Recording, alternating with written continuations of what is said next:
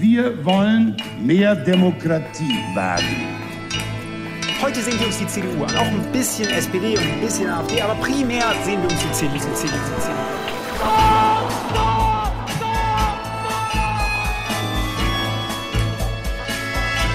Niemand hat die Absicht, eine Mauer zu errichten. Ich weiß, ich habe heute Morgen in den Spiegel geguckt und dachte, wer ist denn die Hotte Bitch? Werden schon in wenigen Jahren blühende Landschaften, blühende Landschaften geworden sein. Früher waren wir Lametta. Wir haben so vieles geschafft, wir schaffen das. Hallo og velkommen til Tyskerne, folge 128, episode 128, med Ingrid Brekke. og meg. Jeg heter Kai Schwind. I dag har vi en Best siden sist om godteri. Og vi skal snakke om Tysklands Oscar-kandidat, som er Surprise, en krigsfilm. Men først skal vi se nærmere på debatten om en ny type klimaaktivisme i Tyskland. Den diskuteres med høy temperatur, og det var ikke en dårlig klimavits her. Men hva er det som skjer, Ingrid? Jo, det har jo eh, vært en rekke sånn ganske spektakulære hendelser, da. Eh, to eh, aktivister fra bevegelsen eh, De letteste generasjon, altså den siste generasjonen, kasta potetmos eh, på et maleri av den franske kunstneren Claude Monet på et museum i Potsdam.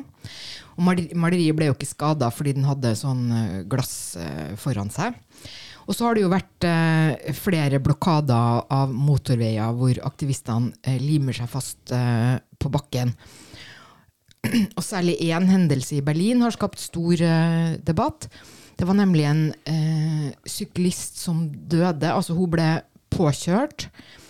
Og så kom ikke ambulansen frem i tide. Og da var det mange som påsto at det skyldtes disse aktivistene sin blokade. Det viste seg å ikke være sant, men da hadde jo debatten allerede tatt av. Det ble også diskutert i, i forbundsdagen i forrige uke, og der stemte parlamentet ned et forslag fra eh, Kristeligdemokratene om å straffe eh, klimaaktivistene hardere. Og eh, CSU-mannen Alexander Dobrindt han gikk aller lengst, og han snakka nemlig om aktivistene som klima-RAF. Altså han eh, trakk paralleller til, til disse radikale røde eh, aksjonistene som herja Tyskland på 70-tallet og drepte mange mennesker. Så det var jo å gå relativt langt, da. Så, men det er en veldig polariserende debatt, eh, samtidig som det ser ut som at aktivistene egentlig får veldig eh, lite støtte i befolkninga for disse stuntene de holder på med. Ja, det kan man virkelig si. Det koker litt. Og man må jo også si det er litt sånn godt gjort å både få litt sånn kunst- og kultursektoren eh, og folk flest mot seg med tanke på mest mulig provokasjon, var dette jo ganske vellykket. Altså da å gå løs på enten fine impresjonistiske malerier eller å blokkere motorveiene. Altså midt i kjernen av det mest emosjonelle som finnes i Tyskland, tyskerne og bilene sine. Så det var jo forventet at offentligheten skulle reagere, men um, jeg må si at jeg syns det er bra at både mediene og aktivistene selv har nå begynt å kommunisere litt mer nyansert rundt saken, nemlig ved å prøve å formidle og forstå hva budskapet er litt bedre. Så kanskje det mest interessante her var jo opptreden eh, av klimaaktivisten Carla Rochel fra De letzte generasjon, som du nevnte, i talkshowet til Markus Lanz. Da satt jo også Jørgen Trittin eh, fra De grønne, eh, og de to hadde en ganske interessant samtale, syns jeg. Ja, og Trittin han er jo tidligere eh, miljøminister eh, i Schrøder-regjeringa, da De Grønne satt i regjering forrige gang. Eh, og en veteran blant De Grønne som er veldig synlig i den offentlige debatten. og sånn. Men hvordan argumenterte Rochel for seg? Ja, jeg syns hun gjorde en veldig god figur. Eh, Jeg må jo si at jeg også kjempa litt med mine fordommer. Jeg tenkte litt sånn ok, her kommer en representant for de letzte generasjon. Sikkert en veldig hissig ung kvinne i strikkegenser eller noe sånt. Men så var det en veldig rolig, kontrollert uh, ung kvinne som uh, snakka bra og litt nøktern. Og det første hun måtte gjøre, var jo forklarer veldig mye om det praktiske rundt disse stunts. Altså hvordan er det å lime seg fast på, på bakken?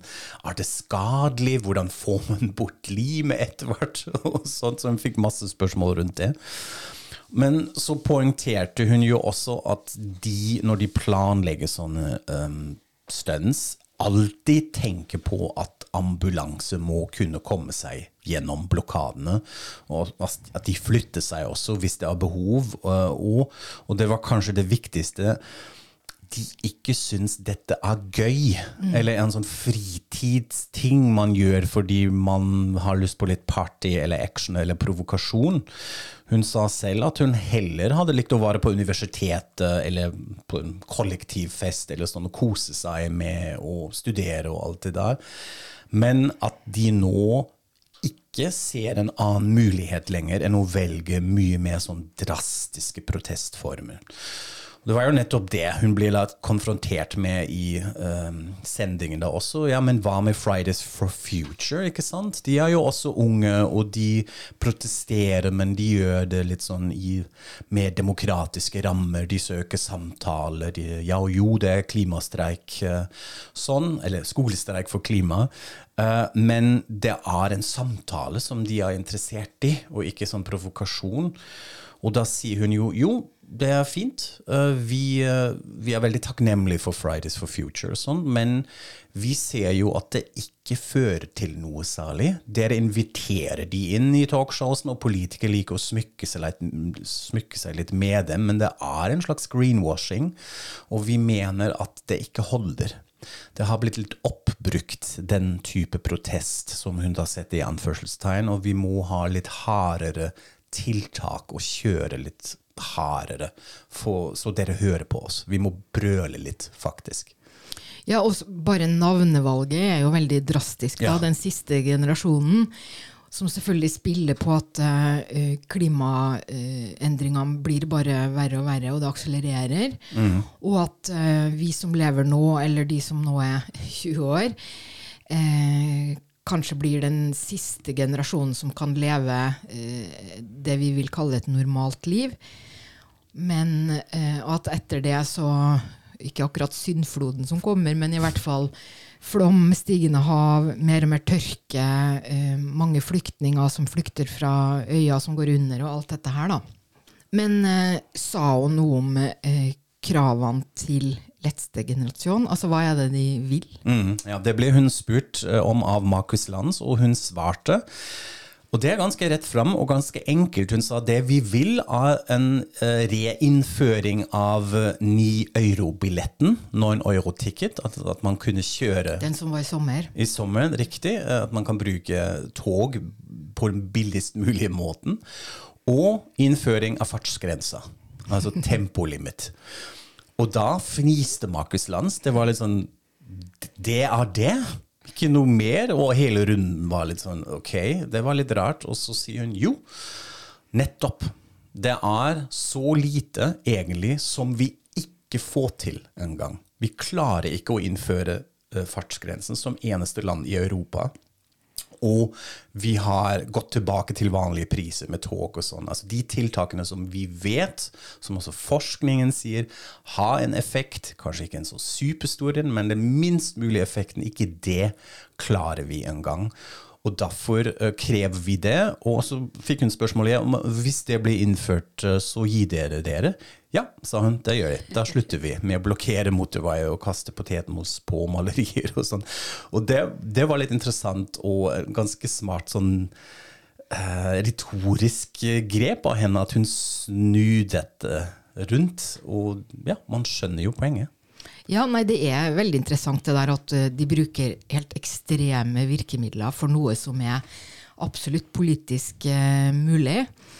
Og eh, som du sa, det har jo vært mye kritikk og debatt. og Jeg tenkte bare, jeg leste et veldig interessant innlegg i Der Spiegel eh, som har kritikk fra et veldig sjeldent standpunkt, må vi vel kunne si. Og det var altså fra Philip Ruch, som er leder av det som heter Sentrum for politiske skjønnhet, mm -hmm. som jo i veldig mange år har drevet eh, veldig gjennomtenkte, veldig store eh, aksjoner, som også er en slags form for uh, kunst. Um, blant annet uh, eh, mot behandling av flyktninger, og de har jo bygd denne kopien av holocaust-minnesmerket i nabohagen til eh, eh, Bjørn Høkke, AFD-mannen. Eh, Så han har skrevet en artikkel om disse eh, klimaaktivistene, hvor han, eh, han, han synes de er altfor lite gjennomtenkte. Eh, Så han sier at når man har det så forferdelig travelt, så burde man kanskje ta en liten omvei og tenke seg litt om. Eh, fordi det de gjør, det går ikke under huden på folk. Det blir sånn herre 15 minutter eh, berømmelse, og så er det bare over. Så det er masse mas om det nå, og så forsvinner det på en måte, for de treffer ikke folk i hjertet. Eh, samtidig så, så sier han at han er veldig imponert hvordan unge folk kan sette sine studier og kanskje også sine karrierer på spill, fordi de mener at dette er så veldig viktig. Og han minner om at de har vitenskapen eh, på sin side. Eh, og så kommer han med et eh, veldig drastisk forslag til hvordan de heller burde gjøre det. Nemlig at i stedet for å kaste potetmos på kunst, så burde de jo kaste bensin. For det gir mening. Fossi- det er jo det fossile brennstoffet som er problemet, ikke potetmosen. Eh, så han sier at de må gå lenger og tenke mer. Eh, så tenker jeg at det er ikke så mange som er enig med han i det, men det er et interessant standpunkt. Ja, absolutt. Og interessant også hvor mange meninger det fins rundt det. ikke sant? Fra hvilke forskjellige posisjoner man har meninger om de. Jeg må si jeg fikk først og fremst et sånn inntrykk av fortvilte unge mennesker. Jeg syns det var helt genuint. Man kan jo selvfølgelig være uenig i metodene og alt det der, og kanskje si litt sånn ja, ja, ja, når vi var unge, så var vi også litt mer raddis. Men eh, jeg syns det var veldig troverdig, og veldig gjorde sterkt inntrykk, faktisk. At man ser de mener alvor. Men også med Roja, nå beveger man seg litt over i kunstkonteksten, og det er jo også litt interessant selvfølgelig å se hvordan dette diskuteres. Jeg har også lest et intervju med en kurator fra et museum som, eh, som sier noe om disse angrepene mot maleriene, og sier jo, vi har selvfølgelig forståelse for det. Samtidig vil vi også minne om, ja, selv om de tenker på sikkerheten rundt disse stunts, så kan de egentlig ikke bedømme dette ordentlig. Iblant blir også rammene skada, som er av historisk og høy verdi, ikke sant? og det kan være sånne små cracks inni glasset, så ødelegger de maleriet likevel. Og så mente hun da også at dette er først og fremst et politisk problem som burde løses i det politiske rommet, eh, og ikke ved å trekke inn kunst, eller som en del av kunstdiskursen.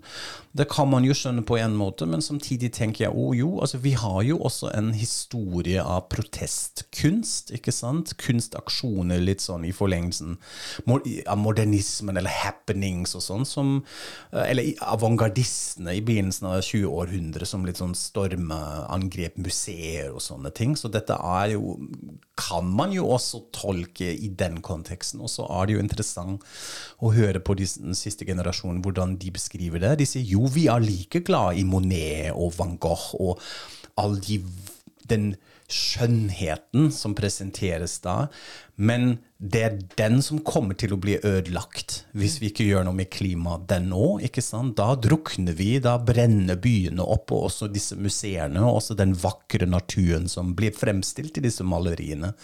Og er det ikke litt rart, hvis dere reagerer så voldsomt på et maleri, hvorfor ikke på det som skjer med klimaet? Så de klarer jo igjen å snu denne kommunikasjon.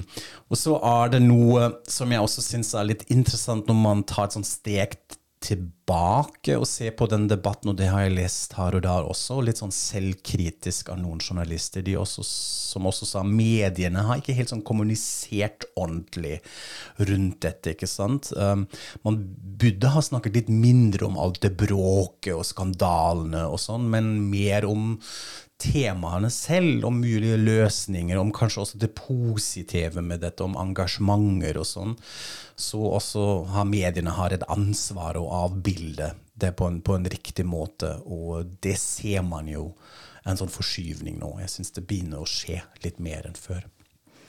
Og så hørte jeg også en, en podkast med Ralf Fuchs, som da er en annen veteran fra De grønne. Eh, og han driver nå en egen eh, tenketank, og han tilhører den, den eh, gruppa grønne som mener at det meste kommer til å ordne seg med teknologi. Med teknologi da. Eh, men han eh, Jeg syns det var ganske interessant, for han er jo en, en, eh, en som selv protesterte på veldig mange måter på 70-tallet, og også har sittet i fengsel for det han gjorde da. Eh, Men han mener at eh, det å eh, protestere nå har på en måte mista litt sånn uskylden sin pga. at det har vært så utrolig mange protester og demonstrasjoner fra ytre høyre. Fra AFD og alle disse kvedenker og raringer og sånn, som, som argumenterer med at de er representerer grasrota og folket og, og alt mulig. Så det har blitt så mange typer aksjoner at folk ikke liksom klarer helt å skille hva som er hva, og at de dermed har mista litt sånn eh, virkemidlet sitt, da. Eh, eller virkninga si. Og jeg syns det var eh, interessant, samtidig som det er jo noe med disse eldre grønne som nå blir intervjua litt overalt, og alle sier nei, vi må inn i systemet, det, vi har institusjoner og demokrati, og dette må gjøres på andre måter og sånn, som jeg syns er ja, litt rart å høre det òg, da. Ja, ikke sant? Altså, jeg må ærlig si at jeg ikke kjøper dette her, det argumentet. At man har hatt for mange demonstrasjoner og bråk fra den andre siden. Derfor mister dette her betydning. Jeg vet ikke. Kanskje med sånn analyse i, rundt mediene og hvordan de velger å avbilde noe eller ikke, men jeg syns eh, ja, jeg er enig. Jeg syns ikke det fungerer så bra. Og det fører oss jo tilbake til Jürgen Trettin i The Talkshow også, fordi det er jo litt sånn han argumenterte òg, ikke sant. Jo, veldig enig med hun flinke unge dama her. Eh, og vi begynte jo også med sånn type protester, og det var Statbahn Vest i Frankfurt som vi blokkerte eller prøvde å nekte at den ble bygd, og Kast og Transport, hvor vi satt på togskinnene og sånn. Men nå har vi lært at man må på en måte ha en parlamentarisk måte å innenfor systemet, som du var inne på også. Eh, og det er litt interessant og fører meg til å tenke at det kanskje på en måte også er mer et symptom av en sånn generasjonskonflikt. ikke sant? Her er det de gamle versus de unge. Eh, og man begge registrerer at tiden løper litt fra oss med de spørsmålene, men de unge er da mer utålmodige og ser også at vi må sparke de gamle litt i ræva med litt andre metoder. Og så kan man diskutere hvorvidt dette har da en effekt eh, eller ikke. Men eh, ja, vi får se hvordan denne samtalen fortsetter mellom generasjonene. Så skal vi videre til noe helt annet, nemlig Tysklands Oscar-kandidat. Og det er da en filmatisering av Erich Maria Remarks berømte roman 'Intet nytt på vestfronten', som jeg leste minst eh, to ganger da jeg var veldig ung. Oi, du likte den veldig? ja, jeg gjorde det. Jeg likte den kjempegodt. Okay. Eh, men vi kan jo først høre litt på traileren. Wieder mehr als 40.000 Tote allein in den letzten Wochen. Es ist vorbei.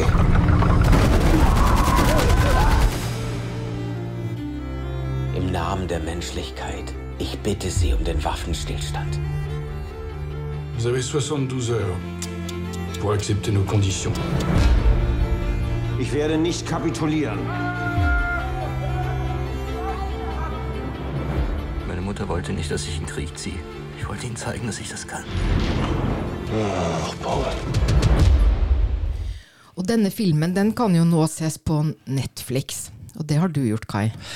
Det har jeg, og uh, dette her er virkelig en stor film. Altså en gigantisk produksjon, kan man si. Nesten tre timer lang og med stor production value, som det heter. Altså den ser veldig dyr ut, og ligner absolutt på en Hollywood-produksjon. Filmen forteller, akkurat som boka, historien av 17 år gamle Paul Boimer, som verver seg til den tyske hæren under første verdenskrig og ble sendt til vestfronten, hvor han da må kjempe i skyttergravene mot franskmennene.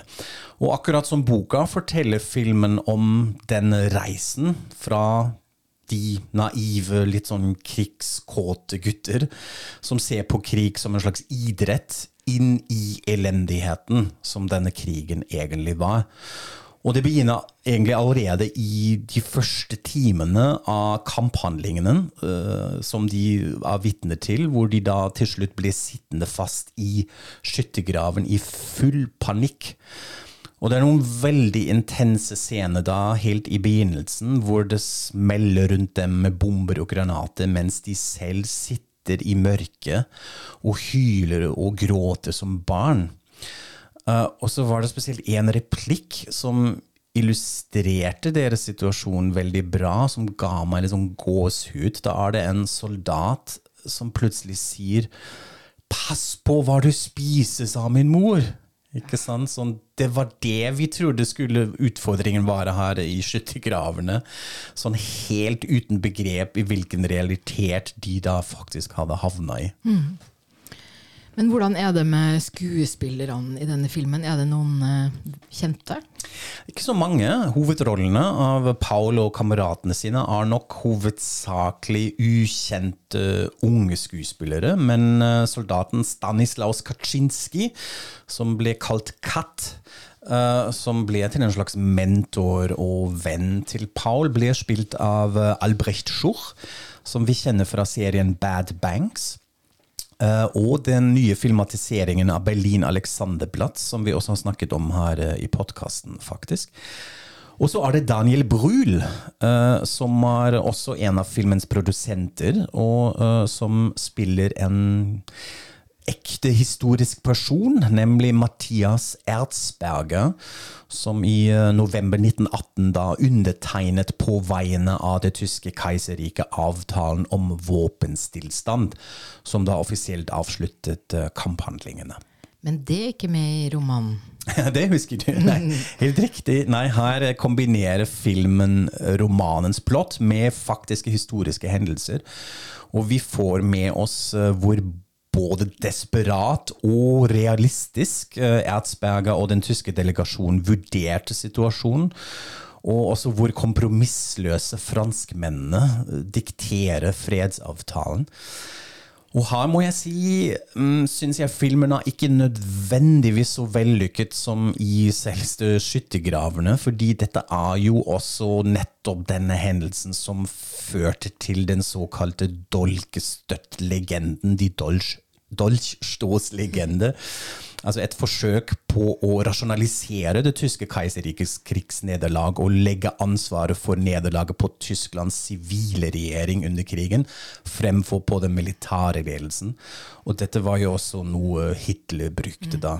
Um, så her hadde jeg kanskje ønsket meg litt mer nyanser. Men til tross for disse innvendingene, det høres jo ut som du likte filmen? Det gjorde jeg, så vidt man kan like en sånn grusom film. Altså, dette var noen farlige timer jeg hadde da på Netflix, men jeg syns filmen fortjener virkelig labelet antikrigsfilm. Det er jo ikke ofte at det fungerer sånn.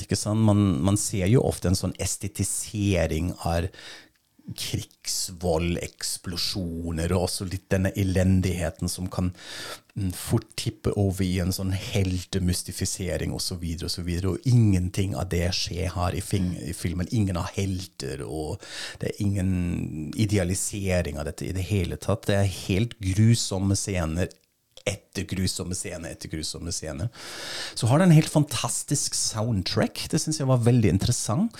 Um, det er mer en sånn blanding av lyddesign og musikk enn sånn klassisk filmscore. Den minner faktisk litt om industrial-sjangeren, musikksjangeren. Uh, veldig sånn mekanisk og litt kald.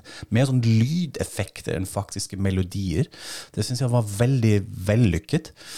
Og så er det også helt grusomme stillbilder i, iblant som virker mer som sånn fotografier fra slagmarken, og ikke noen bevegde bilder med sånne, ja, sånne stilleben, um, som også er med å skape det inntrykket av, av en sånn stasis, at ingenting beveger seg. Man er litt sånn i nimannsland, som man sier på tysk. ikke sant? Du vet ikke Tiden har stoppet, kanskje. Det syns jeg var veldig fint.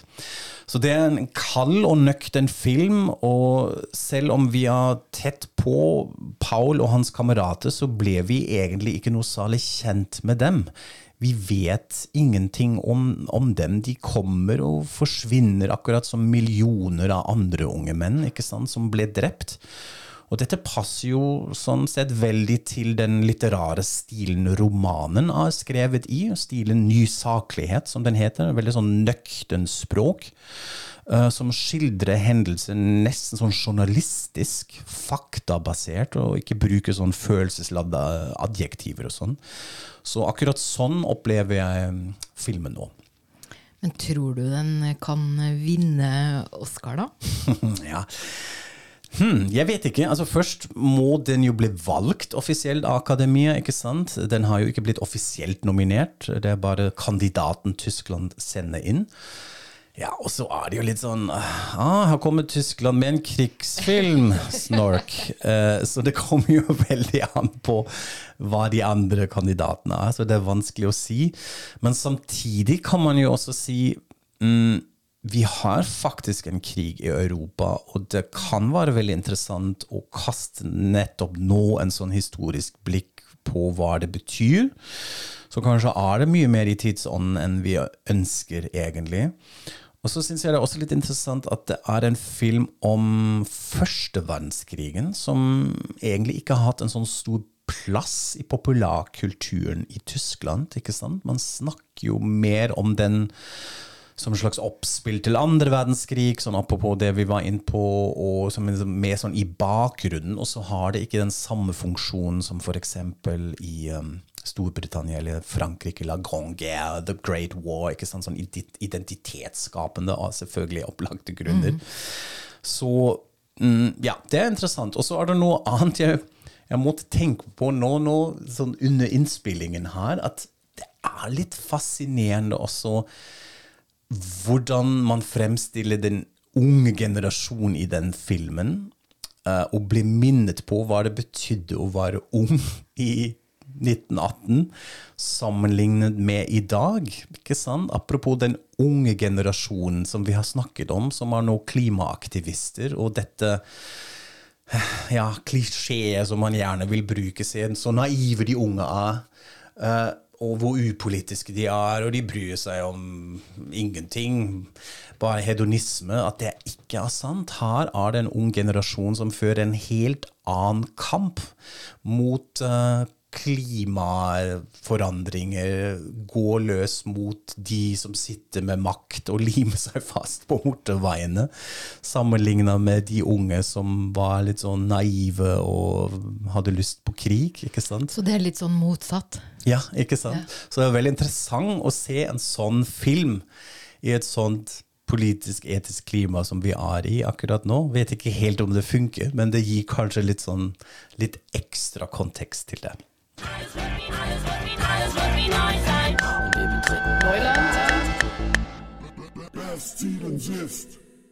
Kontrasten til forrige tema kunne knapt være større.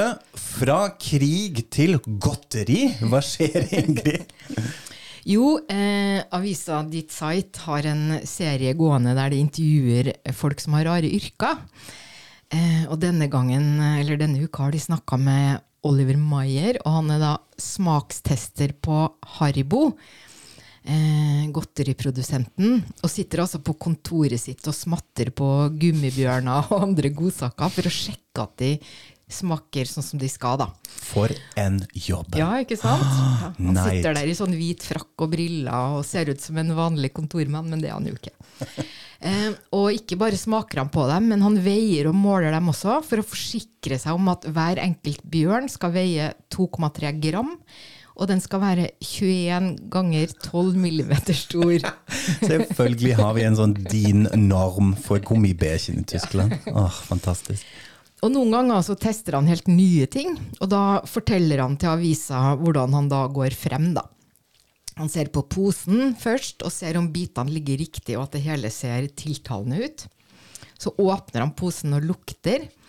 Og så tømmer han innholdet ut og gransker alle bitene, og ser om fargene og formene og størrelsene eh, stemmer. Og så smaker han, og sjekker om da smaken svarer til utseendet, og om aromaen utvikler seg sånn som den skal. Og så drikker han vann og spiser en kjeks og begynner på neste test.